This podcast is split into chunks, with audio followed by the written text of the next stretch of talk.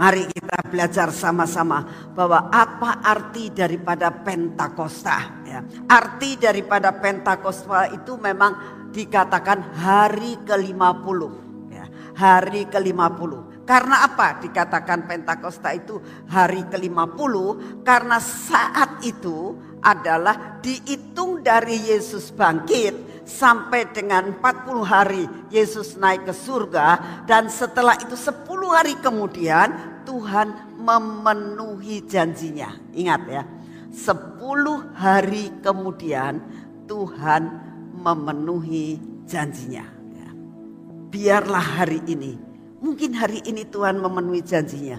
Mungkin sepuluh hari lagi, tapi Tuhan pasti memenuhi janjinya. Amin. Nah, lalu dikatakan pada waktu sebelum Yesus itu lahir, sudah ada Pentakosta, sudah. Sudah ada Pentakosta. Tetapi waktu Tuhan Yesus sebelum lahir, Pentakosta itu dirayakan sebagai pengucapan syukur atas panen raya. Karena saat-saat itu orang-orang Yahudi, orang-orang Israel mengalami sesuatu terobosan karena panen raya hasilnya luar biasa. Ya. Pentakosta hari pengucapan syukur karena berkat yang berkelimpahan. Amin. Jadi itulah arti daripada Pentakosta. Dan kalau hari ini kita mengatakan aku mau merayakan bukan sekedar memperingati, pengen merayakan dengan sesuatu keriduan, aku ngalami Pentakosta. Aku mengalami panen raya. Ya. Saudara tahu kalau namanya panen itu adalah melakukan sesuatu terobosan. Ya. Menikmati hasil itu namanya panen. Betul? Kalau orang ngomong, wah kamu lagi panen ya. Dalam usaha apa pun kalau namanya panen itu benar-benar sedang mengumpulkan akan keuntungan, mengumpulkan apa yang pernah kita tabur, itu panen ya. Apalagi kalau dinamakan panen raya, itu panen yang besar-besaran dan mereka mengalami sesuatu hal yang luar biasa. Makanya mereka mengucap syukur dan biarlah hari ini kita katakan, Tuhan, aku sedang menantikan Pentakosta ini. Apa yang engkau kerjakan 2000 tahun yang lalu, kerjakan di tempat ini. Di mana pun juga kalian berada. Mendengarkan akan streaming hari ini. Katakan Tuhan, aku pengen mengalami. Aku mau mengalami. Bukan sekedar aku mendengar, tapi aku mau menikmati. Sebab kamu di mendengar banyak orang mendapatkan berkat ya. Seperti kalau saudara mendengar banyak mujizat terjadi di taman. Kalau sekedar cuma oh iya aku lihat, iya iya dan sebagainya. Tidak menikmati. Itu tetap yang dinamakan lapar saudara. Sepertinya mengatakan di situ loh ada yang dinamakan pesta. Pesta apa? Makanannya penuh satu meja dari ujung sampai ujung. Oh iya, enak-enak makanannya. Iya, sekedar mendengar. Ya. Mungkin saudara melihat, tapi tetap lapar. Karena apa? Tidak menikmati. Ya. Dan hari ini kita katakan Tuhan, aku tidak mau sekedar mendengar. Aku mau menikmati. Sampai Pentakosta, terobosan yang pernah terjadi, aku ngalami panen raya yang dikatakan aku ngalami. Saya sangat merindukan saudara tidak sekedar mendengar. Tapi betul menikmati apa yang terjadi Pentakosta yang terjadi 2000 tahun yang lalu ada terobosan. Karena Pentakosta sesudah Yesus bangkit dari antara orang mati itu bukan Pentakosta mengenai pengucapan syukur bukan saja mengenai pengucapan syukur tentang hasil panen yang luar biasa pengucapan syukur tentang itu. Tetapi apa yang terjadi? Mereka mengalami sesuatu terobosan.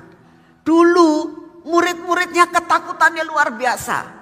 Mereka takut mati, mereka takut dibunuh sampai apa yang terjadi Petrus menyangkal Tuhannya. Tetapi saudara, saat begitu terjadi terobosan Pentakosta. Petrus tidak takut. Petrus ditangkap, ditangkap. Masuk penjara, masuk penjara. Tapi dia katakan, coba kamu pikir mau taat sama Tuhan atau taat sama manusia. Begitu ada roh keberanian yang luar biasa. Begitu dia khotbah 3000 orang bertobat. Kenapa bisa gitu? Terobosan. Ya. Pentakosta adalah suatu terobosan. Dan inilah yang harus kita raih bersama-sama. Amin. Ya, itulah yang pertama kali kita akan baca di dalam kisah Fatsal yang pertama ayat yang keempat ya. Kita baca bersama-sama di mana dikatakan inilah yang dikatakan peristiwa pencurahan Roh Kudus besar-besaran. Hari ini kita katakan Tuhan, aku tidak mau sekedar mendengar, tapi aku mau ngalami, ya. mengalami sesuatu yang luar biasa. Apa yang terjadi kita akan baca dalam ayat yang keempat. Dikatakan begini. Pada suatu kali dikatakan ketika Tuhan Yesus sedang makan bersama-sama dengan mereka. Perhatikan ayat ini. Ya. Ini Tuhan Yesus sudah bangkit. Ya. Tuhan Yesus itu sudah luar biasa. Tembus tembok. Ya, dia tiba-tiba bisa datang, tiba-tiba bisa hilang, tiba-tiba bisa nembus tembok. Semua pintu ditutup, tiba-tiba dia datang. Jadi dia itu benar-benar kayak orang sulap. Ya. Dia itu sudah tidak memakai tubuh jasmani. Sebab tubuh jasmani nggak mungkin bisa keluar tembok. Ya. Dia sudah mempunyai suatu tubuh yang berbeda. Tubuh kebangkitan. Karena dia sudah mati dan dia bangkit tubuh kebangkitan. Ya, dikatakan, tapi dia bisa makan. Ajaib kan? Ingat pada saat dia datang dan dikatakan, kamu kok masih ragu-ragu dengan aku? Kamu punya apa? Punya apa? Punya ikan goreng. Sini tak makan. Nah sekarang bayangkan kok bisa ya? Tubuh yang seperti itu. Dilihat dipegang daging betul. Sampai dia katakan, apa yang dikatakan kepada Thomas, kamu masih ragu, coba sini. Coba cocokkan tanganmu tuh pada tanganku nih. Coba, lihat, gak berani. Ya betul dia itu Tuhan, betul punya daging. Dia dipegang betul ada. Makan betul, ke mana itu? Dagingnya masuk di dalam itu ikannya masuk di dalam. Ini namanya keajaiban yang terjadi. Itu pun bisa terjadi dalam hidup saudara dan saya. Amin. Nah, saat ini dikatakan pada waktu itu Tuhan Yesus makan bersama-sama dengan mereka. Lalu apa yang dikatakan? Yesus melarang. Kalau namanya melarang itu namanya verboden ya. Ini ada lampu merah itu. Ini ada sesuatu yang dinamakan satu pelang merah ada stripnya putih. Berarti tidak boleh melarang. Tidak boleh masuk. Ya, ini dikatakan Tuhan Yesus melarang mereka meninggalkan Yerusalem. Ya, yang pertama, Yesus tidak boleh mereka meninggalkan Yerusalem. Kenapa? Kenapa? Kamu jangan. Ya, nah, Kenapa? Karena menyuruh mereka tinggal di Yerusalem menantikan janji Bapa. Nah, yang demikian katanya, telah kamu dengar daripadaku perintahnya. Ya. Sebab ayat yang kelima, sebab Yohanes membaptis dengan air, tetapi tidak lama lagi kamu akan dibaptis dengan Roh Kudus. Saudara, itu yang dikatakan. Yang pertama, jangan tinggalkan Yerusalem.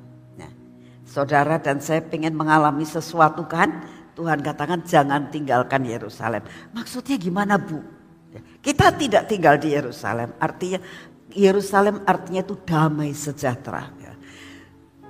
kalau kamu mau kepenuhan Roh Kudus, lepaskan dirimu daripada sakit hati, ya. daripada semua tekanan, iri hati, semua dosa-dosa yang ada itu harus dibereskan terlebih dahulu. Ya. Jangan sampai damai sejahteramu hilang. Itu yang pertama kali. Kita selidiki dalam diri kita saat ini apa yang membuat damai sejahteramu hilang? Apa yang membuat kamu itu Yerusalemmu hilang? Ya, damaimu hilang. Kenapa? Ada apa? Mungkin kamu mendengar berita yang tidak enak hari ini. Ya. Mungkin kamu mendengar atau mengalami perkara yang tidak hari tidak enak hari ini. Hari ini jangan sampai damai sejahteramu hilang. Karena Tuhan akan menjanjikan perkara yang luar biasa pada hari ini. Apa yang terjadi 2000 tahun yang lalu, Tuhan akan membuat perkara yang ajaib hari ini. Jadi yang Tuhan minta saat ini, jangan sampai damai sejahteramu hilang. Ya, jangan tinggalkan Yerusalem. Lalu dikatakan apa yang kedua? Menantikan. Namanya kalau menanti itu beda dengan instan. Langsung kamu minta, langsung kamu dapat. Itu instan ya. Tapi yang namanya menanti nunggu. Nunggu apa? Sampai waktu Tuhan datang buat memberikan apa yang kita perlukan. Menantikan. Itu yang Tuhan mau untuk kami kami lakukan pada hari ini. Yang pertama adalah jangan sampai damai sejahteramu hilang. Dan yang kedua, menanti. Menanti apa? Janji Tuhan. Nah, itu yang harus dipikirkan hari ini. Saudara, untuk mendapatkan sesuatu kepenuhan Roh Kudus itu harus ada dua syarat ini. Selidiki diri sampai damai sejahteramu mulai masuk dalam hidup kamu lagi. Yang kedua adalah nunggu. Kok enggak datang-datang ya? Ayat 12 kita teruskan. Maka kembalilah rasul-rasul itu ke Yerusalem dari bukit yang disebut Bukit Saitun. Disebabkan karena gini, murid-murid pada waktu itu ada di Bukit Saitun karena Tuhan Yesus mau naik ke surga. Tuhan Yesus naik ke surga itu dari Bukit Saitun. Buat saudara-saudara yang pernah pergi ke Israel itu di ada satu bangunan ya bangunan yang namanya Bukit Said itu ada satu kayak gereja gitu di situ tuh ada ya saya tidak tahu apakah betul Tuhan Yesus itu waktu itu naik dari situ tidak tahu ya tapi di situ ditulis inilah batu di mana Tuhan Yesus naik surga dari tempat itu ya di situ perjalanan memang dari situ ke Yerusalem itu cuma sebentar jadi murid-muridnya sesudah dari Bukit Saitun lalu mereka pergi ke Yerusalem menantikan. Ayat 13. Setelah mereka tiba di kota, naiklah mereka ke ruang atas tempat mereka menumpang. Mereka itu ialah Petrus dan Yohanes, Yakobus dan Andreas, Filipus dan Thomas, Bartolomeus dan Matius, Yakobus bin Alpius dan Simon orang Selot dan Yudas bin Yakobus. Mereka semua bertekun dengan sehati dalam doa bersama-sama dengan beberapa perempuan serta Maria, ibu Yesus dengan saudara-saudara Yesus. Jadi kita melihat di sini mereka mentaati ya. Mereka mengikuti petunjuk Tuhan. Tuhan katakan aku pulang ke surga kamu jangan tinggalkan Yerusalem. Eh jangan tinggalkan akan Yerusalem. Kamu pergi ke Yerusalem. Dan itu diikuti oleh mereka. Mereka datang ke Yerusalem. Terus mereka kan tinggalnya tidak di Yerusalem. Tidak disebutkan di rumahnya siapa. Tapi dilihat di situ mungkin dia itu sewa rumah. Mungkin dia itu ada uh, salah satu rumah daripada murid-murid Tuhan Yesus tidak disebutkan. Tapi mereka tahu itu mereka tinggal di situ. Dan mereka naik ke atas bertekun di dalam doa. Ini hal yang ketiga. Ya. Satu, jangan tinggalkan Yerusalem. Jangan sampai damai sejahteramu hilang. Yang kedua, tunggu menantikan. Yang ketiga, tidak menunggu dengan mainan HP ya. Karena orang biasanya sekarang ini di mana pun juga, kapan pun juga sabar menunggu karena ada teman baik. Siapa teman baik? HP kita ya. Mau apa, mau apa, nunggu. Kamu tunggu sebentar ya, lama juga nggak apa-apa. Punya temen, temennya siapa? HP. WA-anan, lihat Instagram, lihat macam-macam, rasanya betah. Ya. Tapi di sini dikatakan menantikan dengan tekun berdoa. Ya. Jadi kalau saudara merindukan lawatan ini terjadi atas hidupmu, terobosan ini terjadi atas hidupmu, itu harus dengan yang dikatakan tekun berdoa doa. Kita teruskan dengan kisah dua ayat yang pertama. Ketika tiba hari Pentakosta, semua orang percaya berkumpul di satu tempat. Sebetulnya kisah dua ayat satu itu dikatakan ketika tiba hari Pentakosta. Ini Pentakosta adalah pengucapan syukur panen raya.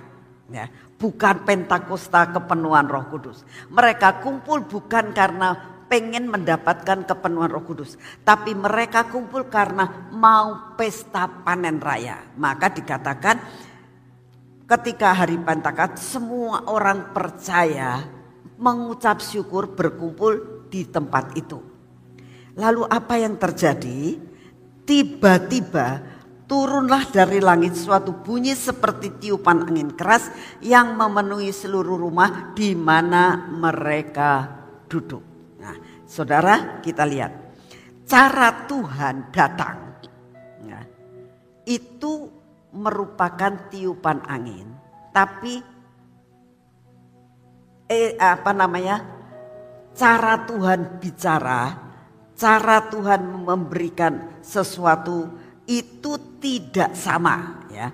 Tidak sama. Bisa dengan angin, suara angin yang keras kalau kita lihat di dalam kisah ini, saat itu terjadi angin yang keras. Tapi saya waktu itu ngalami angin sepoi-poi. Ya. Pada saat Adam dan Hawa jatuh dalam dosa, saat Tuhan, Tuhan itu sedang berjalan, apa yang terjadi? Ada tiupan angin yang sejuk. Dan akhirnya dia katakan Tuhan hadir. Jadi angin itu suatu gambaran ya. Gambaran dari apa? Dari kuasa Roh Kudus, hembusan angin surgawi. Saya percaya angin itu tadi sudah ada sejak awal kita sedang melakukan penyembahan dan pujian. Saya sudah melihat angin mulai melanda hidup saudara di tempat ini. Dan saya percaya itu akan membuat sesuatu yang menuju kepada menanti-nantikan janji Bapa. Ya. Nah, lalu dikatakan ayat yang ketiga. Dan tampaklah kepada mereka lidah-lidah seperti nyala api yang bertebaran hingga pada mereka masing-masing. Jadi manifestasi jangan kamu mikir nanti kalau kita doa terakhir lalu kita minta lalu kita minta Tuhan apimu, apimu taruh di sini seperti uh, apa 2000 tahun yang lalu. Jangan minta sing macam-macam, tapi tidak menutup kemungkinan Tuhan akan berikan.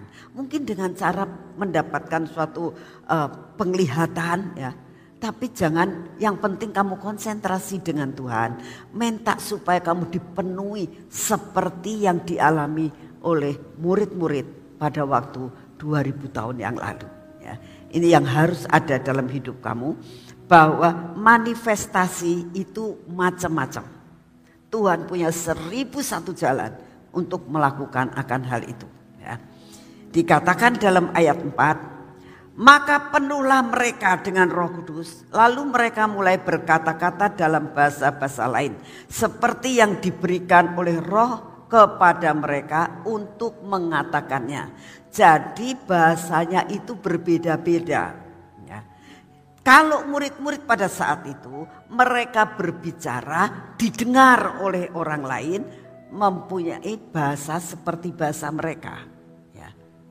Tapi bukan berarti bahwa apa yang kita katakan kadang-kadang kita nggak ngerti, bisa orang lain mengerti. Itulah yang namanya bahasa surga.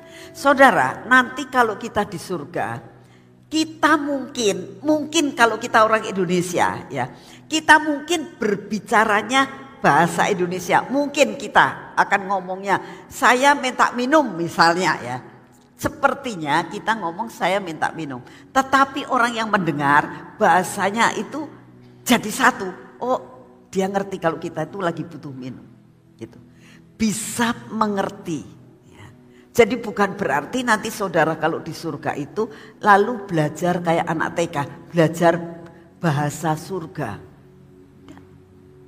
Otomatis begitu kita itu nanti sudah di surga, kita tidak perlu pakai bicara bahasa surga. Begitu kita bicara, Orang lain itu bisa ngerti. Ya. Suatu saat saya ditanya begini, kalau kamu dengar suara Tuhan itu pakai bahasa apa? Ya bahasa Indonesia lah. Saya bilang, bahasa Indonesia? Iya. Tuhan bisa bahasa Indonesia? Ya kayaknya saya bilang. Lah kalau Tuhan bicara sama orang, Tuhan kan orang Yahudi. Kok bisa sih bahasa Indonesia? Lah ya bahasa surga saya bilang. Kalau Tuhan bicara sama orang Inggris pakai bahasa apa? Ya bahasa Inggris lah. Buat orang yang tidak bisa nangkap bahasa surga. Aneh. Jadi di sana nggak ada interpreter. Begitu kamu bicara, ya, Yesus tahu, ya, orang Inggris tahu. Kalau saudara misalnya ketemu sama Daud ceritanya, Hai Daud, apa kabar? Hello. Daud bisa nyauti. Nyauti pakai bahasa apa? Ya bahasa Ibrani mungkin. Tapi kita bisa ngerti Daud ngomong apa. Itu bahasa surga. Dan itulah yang akan kita alami. Ya. Jadi bahasa roh itu bahasa yang berbeda dengan bahasa sehari-hari. Itu Tuhan akan berikan buat saudara. Karena bahasa itu memberi kekuatan. Kalau kita nggak bisa ngomong apa-apa, Berdoalah di dalam bahasa surga itu, bahasa roh itu. Lalu roh Tuhan akan mengerti apa yang ada dalam hidup kita. Ya, itu yang Tuhan rindukan. Bagaimana kuasanya ya, bagaimana hebatnya yang namanya Roh Kudus itu. Sampai Tuhan katakan, kamu kalau menentang anak Allah diampuni menentang roh kudus tidak ada ampun. Itu bahaya banget. Kita baca di dalam Matius 12 ayat 32 dikatakan begini. Apabila seorang mengucapkan sesuatu untuk menentang anak manusia, yaitu menentang Yesus, ia akan diampuni. Ya, contohnya, contohnya saat Petrus menyangkal Tuhannya, itu kan namanya juga sudah sesuatu menentang anak manusia, dia tetap diampuni. Ya. Tetapi jika ia menentang Roh Kudus, ia tidak akan diampuni. Di dunia ini tidak, di dunia yang akan datang pun tidak. Bahayanya luar biasa. Jadi kita tidak bisa, jangan sampai menentang Roh Kudus. Bagaimana sih Bu menentang Roh Kudus? Kalau Tuhan sudah bicara sama kamu sekali, diperingatkan lagi, diperingatkan lagi, diperingatkan lagi, tetap tidak mau nurut, terus kamunya mati, tidak ada ampun lagi. Selama kamu masih di dunia ini masih tetap pengampunan ada. Begitu KTP-mu habis, tidak ada perpanjangan, di dunia tidak diampuni, di surga tidak ada pengampunan. Jadi belajar menghormati, menghargai yang dinamakan Pentakosta ini. Sesuatu hal yang sangat luar biasa yang Tuhan sediakan buat saudara dan saya. Ya, ya sekarang kita belajar fungsinya apa. Kenapa kita perlu dengan roh kudus itu. Ya, fungsinya sangat banyak. Fungsinya terlalu kompleks. Tapi yang dibahas di sini hanya tujuh. Ya. Tapi kalau saudara baca firman Tuhan. Banyak sekali yang dinamakan fungsi daripada roh kudus. Ya. Tapi hari ini kita belajar betapa luar biasanya Roh Kudus itu sebagai roh yang membantu saudara dan saya bisa sampai saat ini. Saya mau sampaikan kepada saudara, saya bisa sampai berdiri di tempat ini sampai sekarang ini. Kalau tidak ditopang sama Roh Kudus, tidak mungkin bisa. Tidak ada manusia yang kuat hidup di dalam dunia tanpa Roh Kudus. Jadi betapa pentingnya yang namanya Roh Kudus itu. Yang pertama, Roh Kudus itu roh Allah. Ya. Itu bisa mengubah kita menjadi manusia lain. Artinya begini. Orang yang jahat bisa jadi baik itu karena roh kudus. Sifat yang jelek bisa menjadi sifat yang baik itu karena roh kudus. Banyak orang mengatakan begini. Karakter itu susah. Betul. Karakter itu susah berubah. Yang bisa mengubah hanya Roh Kudus. Itu loh saudara, kekuatannya Roh Kudus. Kuasanya Roh Kudus itu bisa melakukan segala sesuatu, mengubah seseorang menjadi manusia yang lain. Contohnya kita lihat di dalam 1 Samuel 10 ayat yang ke-6. Eh, du, dikatakan 2 Samuel ayat yang 10 dikatakan begini. Maka roh Tuhan akan berkuasa atasmu. Yang 1 Samuel engkau akan kepenuhan bersama-sama dengan mereka dan berubah menjadi manusia yang lain. Ini ayat yang keenam. Ya. Dikatakan roh Tuhan. Ini bicara tentang Saul. Saudara tahu kan Saul orang yang bender. Ya. Saul menjadi orang yang takut, ragu-ragu, merasa kecil, Begitu ketemu Samuel, begitu dia diurapi, langsung terjadi apa? Diubah menjadi manusia yang lain. Berani, perang berani. Ya. Kenapa bisa dirubah? Hanya urapan roh kudus. Terus yang kedua, apa yang terjadi kuasa roh kudus itu? Yang kedua, apa yang dikerjakan menjadi berhasil. Apa yang dikerjakan menjadi berhasil. Saya percaya manusia saat ini ya, saat ini zaman ini itu pengennya apa yang kita kerjakan berhasil. Betul? Apa yang ngomong, ya aku mengerjakan salah, aku mengerjakan tidak berhasil, terus menerus. Di dalam Tuhan apa yang kamu sudah merasakan kegagalan, kegagalan, kegagalan, kegagalan. Tapi hari ini dikatakan Roh Kudus akan menolong saudara dan saya sampai apa yang saudara dan saya kerjakan pasti bisa berhasil. Itu yang Tuhan mau. Itu fungsinya Kenapa sebelum Tuhan Yesus itu datang kedua kali, dia mau berangkat pulang, dia katakan, aku mau kasih penolong buat kamu. Supaya apa? Apa yang kamu kerjakan tidak akan gagal. Amin. Kita lihat dalam ayat yang ketujuh. Apabila tanda-tanda ini terjadi kepadamu, lakukan apa saja yang didapat oleh tanganmu, sebab Allah menyertai engkau. Ya. Di dalam kuasa roh kudus.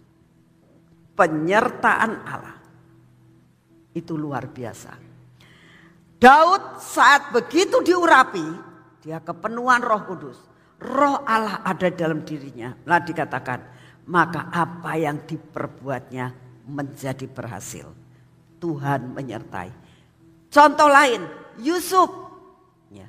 Sekalipun di dalam penjara, sekalipun dia di tempat mana pun dikatakan semua yang dikerjakan menjadi berhasil karena Tuhan menyertai dia. Betul? Itu pekerjaan siapa? Apakah Tuhannya dekat sama dia? Tidak. Rohnya yaitu Roh Kudus menyertai, membuat semua yang dikerjakan menjadi berhasil. Siapa yang mau untuk mengalami seperti ini? Ayo saudara, katakan Tuhan, aku mau. Ya. Dalam masa-masa sekarang ini kita tahu ya, susah hidup saat ini. Pekerjaan kadang-kadang kita mengalami banyak kesukaran. Tapi hari ini Tuhan katakan, apa yang kau kerjakan akan menjadi berhasil. Karena Tuhan sudah menyatakan, aku sudah mengatakan itu. Roh Kudus sanggup menolong kamu dalam keadaan kesukaran sekalipun. Ya, akan terjadi. Yang ketiga, Roh Kudus itu adalah roh yang menghibur, roh yang mengajar, dan roh yang mengingatkan. Jadi ada tiga, ya. bisa menghibur saat kita susah, mengajar pada waktu kita membutuhkan pengajaran, yang bodoh menjadi pintar, mengingatkan kalau kita lupa. Ya. Yohanes 14 ayat 26 dikatakan begini. Tetapi penghibur yaitu roh kudus yang akan diutus oleh Bapa dalam namaku, kata Tuhan Yesus Dialah yang akan mengajarkan segala sesuatu kepadamu, akan mengajarkan segala sesuatu kepadamu. Ya. Saudara sering kali mendapat kesaksian dari Ibu Iin, dari Pak Yusak, dari siapa pun dan dari saya sendiri. Ya. Saya sering kali diajarkan dalam menghadapi pelajaran-pelajaran waktu mahasiswa. Sampai teman saya yang dulu SMA, dia ngomong sama saya, "Wah, kau saiki pinter toh." Kagum dengan saya. Wah saya kok pinter katanya gitu. Ya saya bilang saya nggak ngerti, saya ya begini-begini aja. Tapi gue saya ini pinter loh. Kok bisa begitu? Saya sampai heran. Ya. Tuhan itu banyak sekali membuat sesuatu perubahan dalam kehidupan. Ya.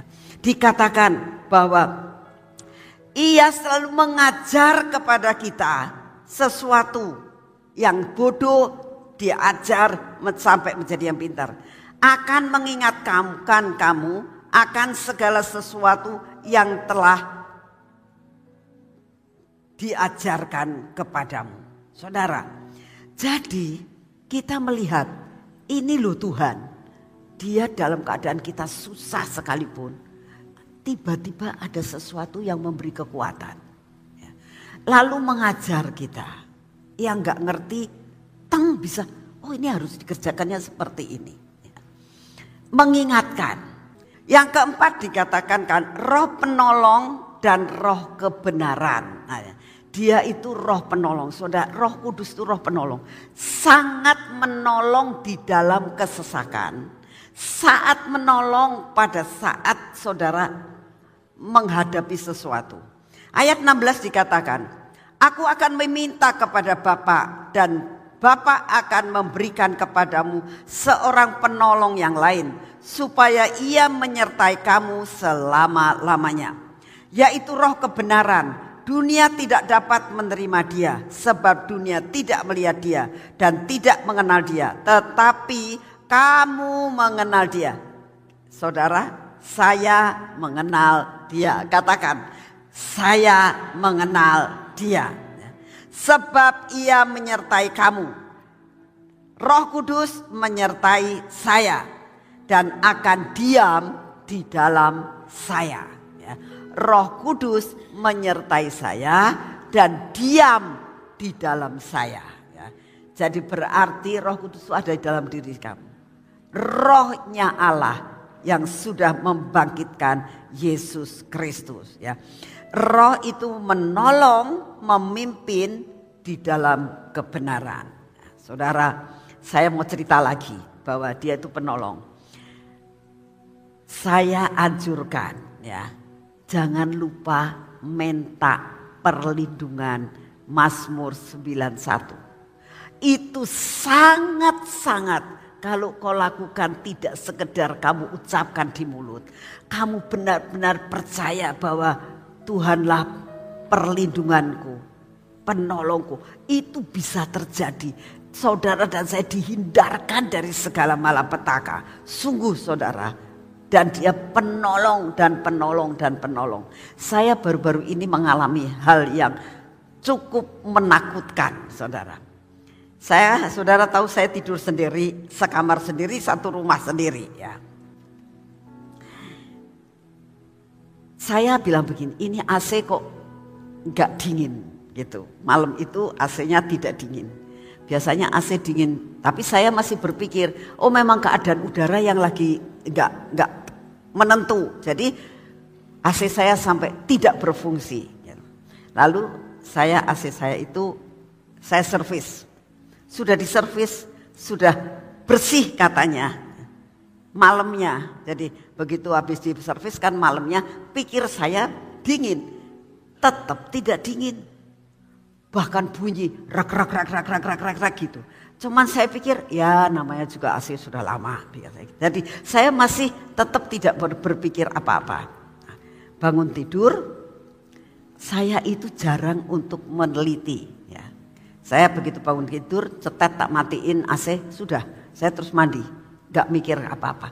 Tapi hari itu ada sesuatu yang saya gini, coba kamu lihat gitu. Ada suara, coba kamu lihat jadi saya deketin AC-nya itu. Saudara tahu, itu AC bocor. Sudah baru diservis.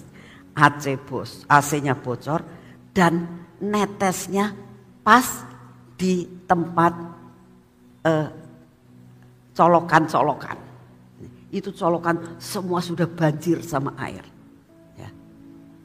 Saya sampai, lah Tuhan, puji Tuhan gak konsleting kalau konsleting terus kebakar saya sendiri di situ bagaimana? Ya. Kalau kejadian apa-apa bagaimana? Itu yang namanya colokan. Kan ada tempat seperti ini yang buat nyolokan ke ke yang pokoknya. Terus ini ada lagi di situ ada colokan-colokan, colokan ke ke AC, AC-nya ada dua nyolok semuanya ke TV, ke CCTV, terus colokan ke WiFi, terus colokan ke lemari es. Itu semua di situ, jejer-jejer gitu. Itu semua tergenang air.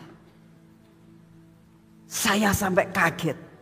Eh Tuhan, langsung tak matiin. Ya. Tak matiin, tak tuntuk gini sampai semangkok airnya. Tuhan. Terima kasih Tuhan. Tidak ada yang rusak, tidak konsleting. Itu kalau listrik kena air itu pasti konsleting sudah. Itu bisa semua ada dalam perlindungan Tuhan. Saya sampai nangis Tuhan.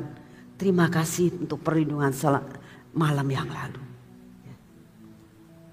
Saya bersyukur sama Tuhan.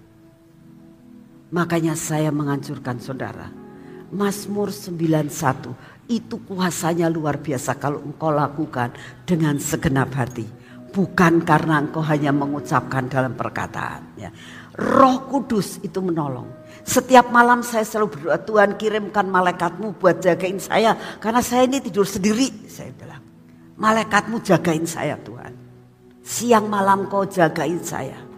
Lepaskan dari kecelakaan. Lepaskan dari saya sampai sebut macam-macam. Lepaskan dari konsleting listrik, lepaskan dari kebakaran, lepaskan dari semua bahaya yang menimpa malam ini. Setiap kali saya tidak pernah lupa untuk berdoa seperti itu. Dan kalau engkau berdoa dan berseru dengan segenap hati, percaya roh penolong, roh kudus selalu menolong saudara. Ya. Percaya saudara, dia adalah roh penolong dan yang memimpin saudara di dalam kebenaran. Ya. Nah itu yang keempat. Nah, sekarang yang kelima dikatakan roh kudus itu roh yang mengingatkan. Yohanes 14 ayat 26. Tetapi penghibur yaitu Roh Kudus yang akan diutus oleh Bapa dalam namaku, dialah yang akan mengajarkan segala sesuatu kepadamu dan akan mengingatkan kamu akan sesemua yang telah kukatakan kepadamu. Saudara, kalau lupa itu diingatkan, ya. Kalau kita ingat apa yang dialami Elia, Elia itu mengalami perkara yang sangat gak enak. Kita gak usah baca ya, karena waktu. Kita tahu ceritanya, Elia ini kan mau dibunuh sama Isabel, ya kan? Lalu dia mulai frustrasi. Nah, terus apa yang Tuhan katakan? Kamu mau apa? Nih tak kasih makan. Dikasih mujizat kan? Diingatkan. Kamu tuh inget tuh, kamu tuh bisa dibuat mujizat tiba-tiba ada makanan. Dimakan tapi dia nggak nyadar tuh. Ya. Dikasih lagi, makan lagi. Itu kan mujizat. Tapi dia masih nggak sadar. Mengingatkan, kamu tuh punya kuasa. Kamu itu nggak usah takut. Tapi tetap aja. Mujizat lain terjadi. Dia jalan 40 hari nggak makan. Tapi nggak lapar. Tapi belum mengingat akan hal itu. Sampai suatu saat dia ada di gua tiba-tiba dikatakan di sini ayat yang ke-11 dari dua raja-raja 19 keluarlah berdiri di atas gunung itu di hadapan Tuhan. Maka Tuhan lalu angin besar dan kuat. Nah ini lihat kuasa penolong kuasa yang mengingatkan. Tiba-tiba ada angin yang besar ya. Lalu Tuhan lalu Tuhan itu jalan. Angin besar kuat membelah gunung-gunung dan memecahkan bukit batu. Mendahului Tuhan tetapi tidak ada Tuhan dalam angin itu. Dan sesudah angin itu datang gempa tetapi tidak ada Tuhan dalam gempa itu. Dan sesudah gempa itu datanglah api tetapi tidak ada api di tempat itu. Dan sesudah api itu datanglah bunyi angin sepoi-poi basah. Kenapa? Diingatkan Roh Kudus selalu mengingatkan, kamu jangan jatuh. Ingat, ingat semua janji Tuhan. Kalau saat ini kamu merasa kecewa sama Tuhan, kalau saat ini kamu merasa gini, kok aku ini kok tidak ditolong-tolong ya?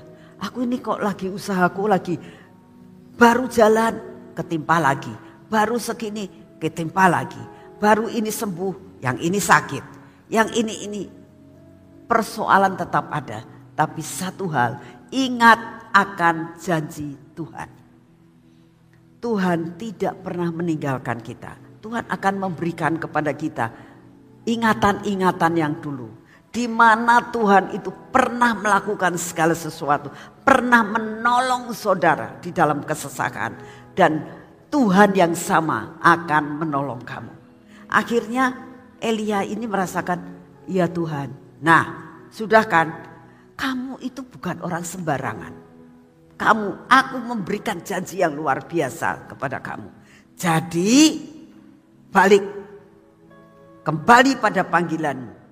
Ingat Tuhan punya panggilan luar biasa atas hidupmu. Dan hari ini Tuhan katakan Tuhan punya panggilan luar biasa atas hidup kalian. Jangan putus asa. Tuhan akan mengingatkan apa yang pernah kamu alami dan Tuhan pernah menolong kamu. Amin. Yang keenam, Roh Kudus itu menjamin dalam hidup kita. Ada jaminan. Ya. Dalam Efesus 1 ayat 14 dikatakan, Roh Kudus adalah jaminan bagian kita sampai kita memperoleh seluruhnya, yaitu penebusan yang menjadikan kita milik Allah untuk memuji kemuliaannya. Roh yang menjamin kita adalah Roh Kudus. Ada jaminan, saudara. Kalau seseorang sudah dijamin, safe rasanya. Dan jaminan yang tidak pernah meleset itu jaminan roh kudus. Amin. Yang terakhir dikatakan roh yang takut akan Tuhan. Jadi kalau saudara mulai berontak-berontak, roh kudus akan menolong saudara. Sehingga saudara itu punya roh yang takut akan Tuhan. Yesaya 11 ayat 2 dikatakan, roh Tuhan ada pada saudara dan saya. Roh hikmat, roh pengertian, roh nasihat, roh keperkasaan dan pengenalan dan roh yang takut akan Tuhan. Saudara, ini Yesaya 11 ayat 2. Ini mengenai roh Tuhan yang ada di dalam Yesus Kristus. Ya. Lalu kamu akan mengatakan begini, lah itu kan Tuhan Yesus, saya lo. Jangan lupa di dalam diri saudara itu saudara sudah terima Yesus belum? Hah? Saudara sudah terima Yesus? Kalau sudah terima Yesus, ini misalnya saudara ini ya. Saudara sudah terima. Kalau saudara sudah minum, memasukkan dalam diri saudara, berarti air minum ini ada di mana? Di dalam diri saudara kan? Kalau saudara sudah terima Yesus sebagai juru selamat ya, begitu saudara terima Yesus Tuhan masuklah dalam hatiku, jadilah rajaku, jadilah juru selamatku, itu otomatis Yesus ada dalam diri saudara.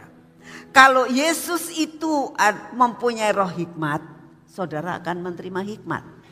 Kalau Tuhan Yesus itu punya pengertian, saudara ini bisa tidak salah paham sama orang lain. Suami istri tidak terjadi salah paham karena ada roh mengerti. Ya. Lalu dikatakan roh nasihat. Kita bisa terima nasihat, kita bisa memberikan nasihat. Ya. Dikatakan roh keperkasaan, gagah perkasa. Dalam menghadapi apa pun, Yesus menang, kita akan menang. Amin roh pengenalan dan takut akan Tuhan. Bisa mengerti hatinya Tuhan. Itu karena ada roh kenal sama Tuhan dan roh yang takut akan Tuhan. Ini semua akan menjadi milik saudara.